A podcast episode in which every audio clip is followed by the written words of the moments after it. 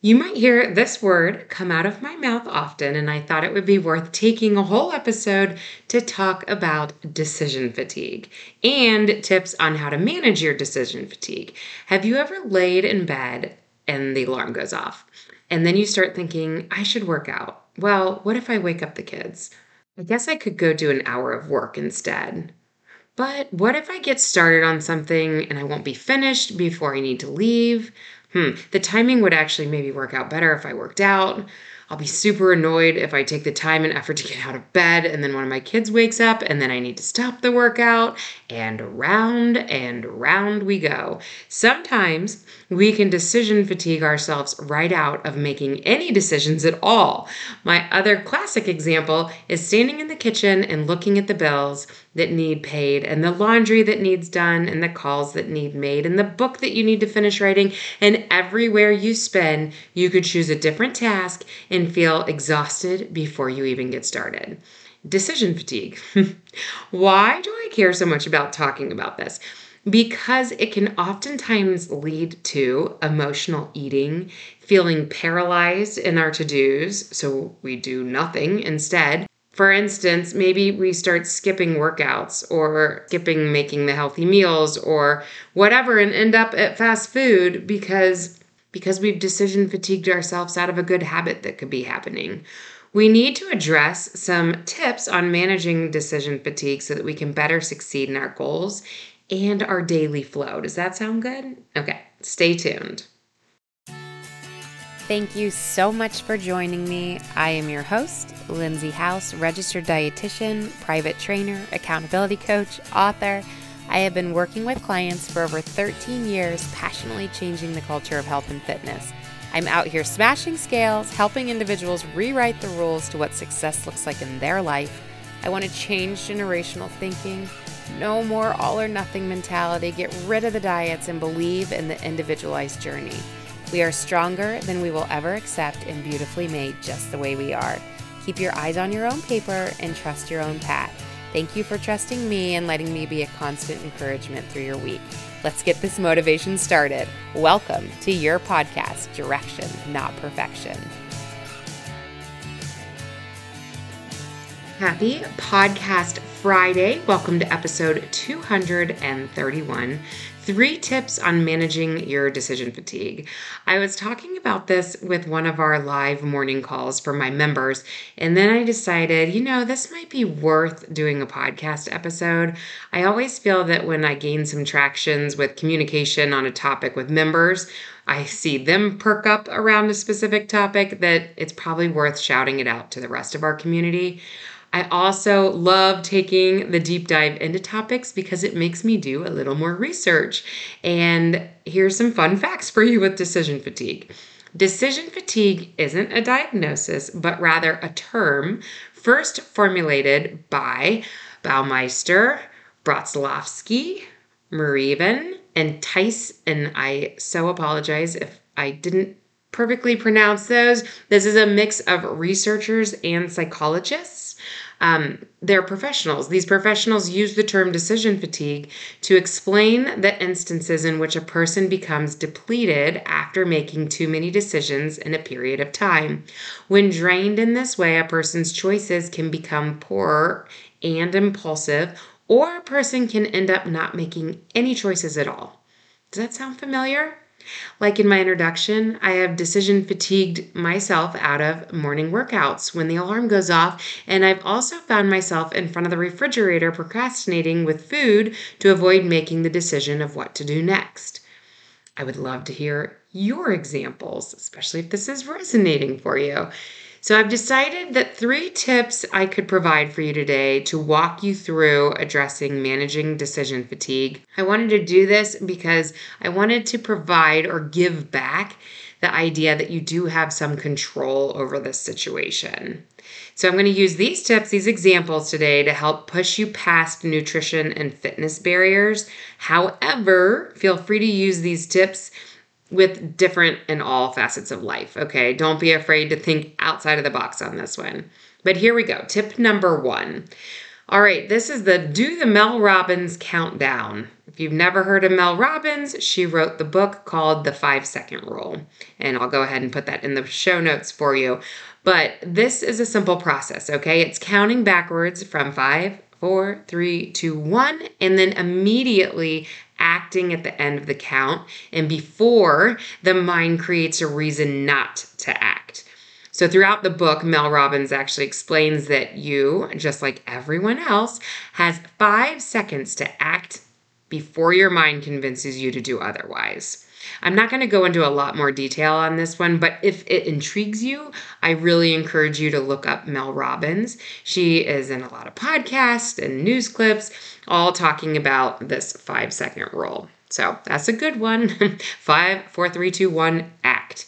Okay, Number two, plan ahead. Here's the part where you can pull in some of your own control. Okay. If you know that there's a specific time that you notice decision fatigue is really coming into play, maybe it's getting out of bed in the morning, maybe it's when you walk in the door from work, maybe it's that final free hour in the evening trying to decide what you want to or how you want to fill it.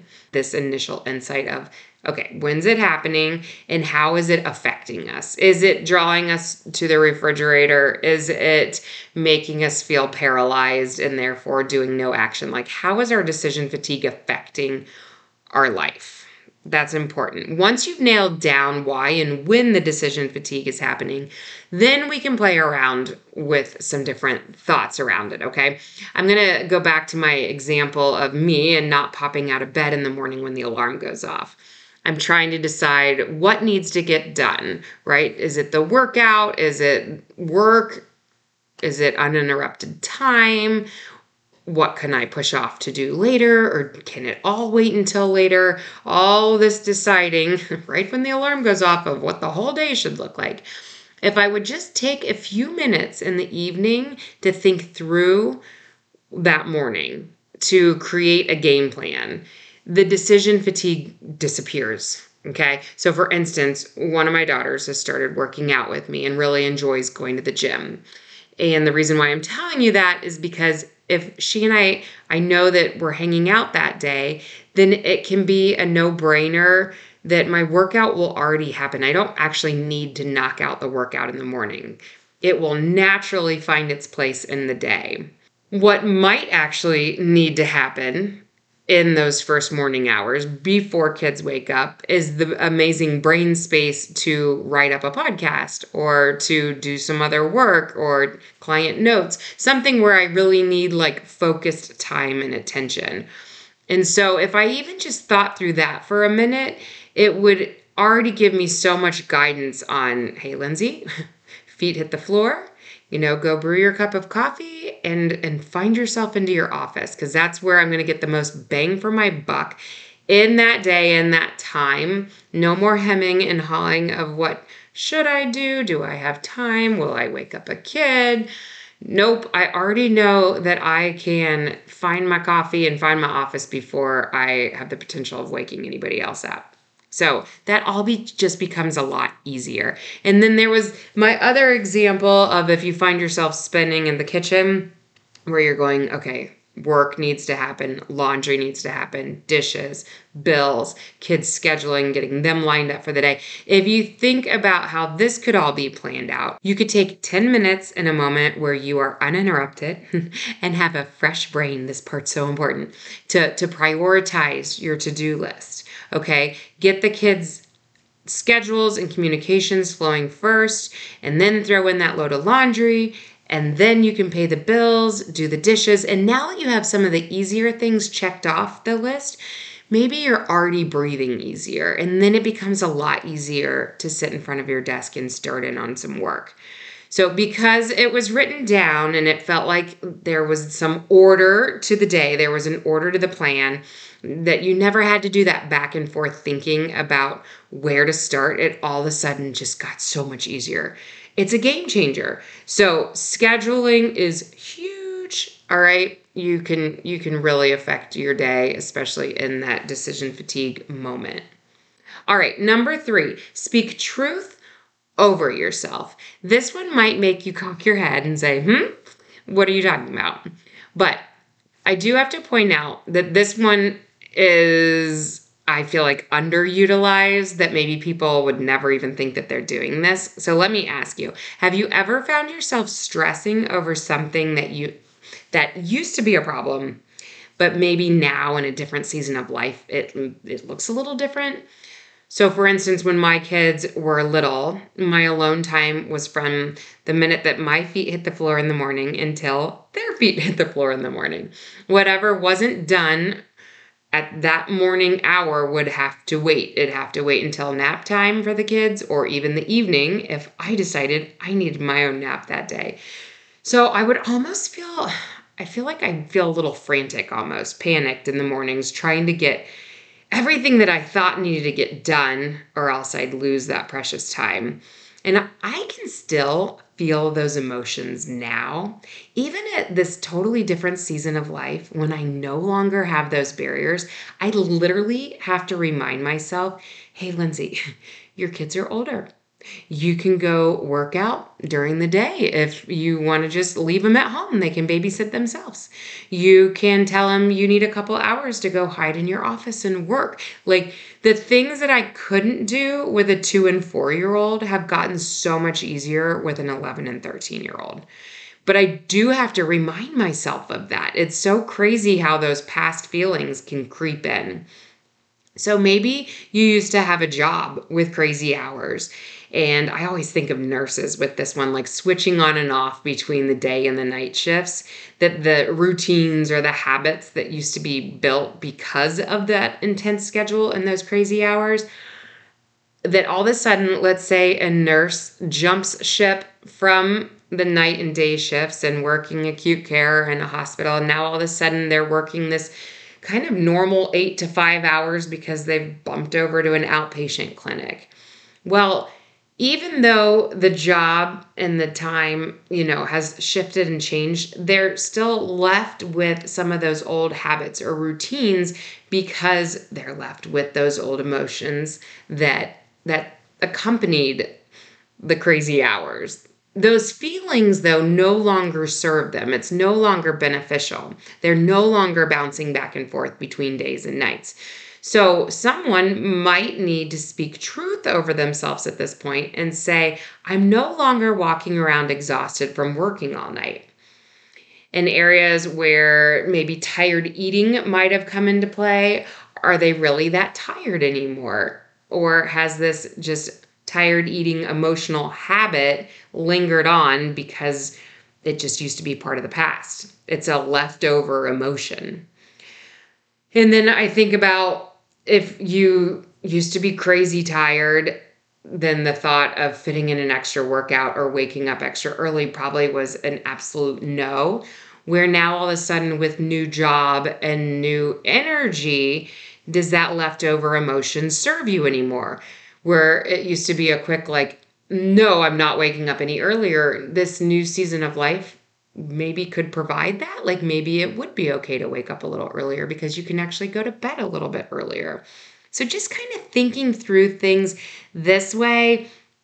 Uh, different seasons of life just bring different needs, and we have to be constantly assessing and reevaluating our needs. What holds true for this time in my life? All right, let's summarize that a little bit, okay? Summarizing our three tips to better manage our decision fatigue. So, our number one tip was the Mel Robbins five second rule. Are you aware of it and have you ever tried it? The five, four, three, two, one, and then just jump into action. See if you can dive into something before you ever let your brain take over. Our tip number two was planning ahead. Find those healthy brain moments where you have time and energy to plan through your decision fatigue moments. And then number three, speak truth over yourself. What holds true for this season of life? And hey, really fast before I lose you, if you have not joined our free Direction Not Perfection Facebook community, why not? Okay, let's continue to fill our eyes and ears with motivation and inspiration and on that note, just cheers to so much health and happiness and have a great Friday. Don't leave yet. I have a free meal planning gift for my listeners in the show notes. Just click the link and you'll get meal planning handouts and a video of me walking you through how to assess your current meal choices, as well as building a future healthy meal plan.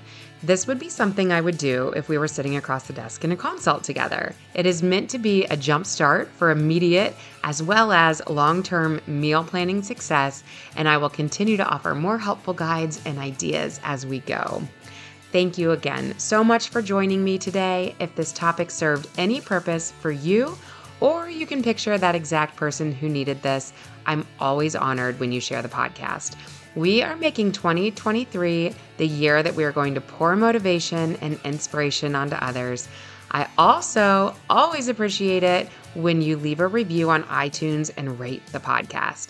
I send you off with all the praise and momentum you deserve for staying open minded to new information and the idea that our journey will look different now, five years from now. Slow and steady, y'all. It's not always instant gratification and it's not always that exciting, but a much gentler and redeeming path that will serve you well throughout all the years and every season of life. Cheers to health and happiness.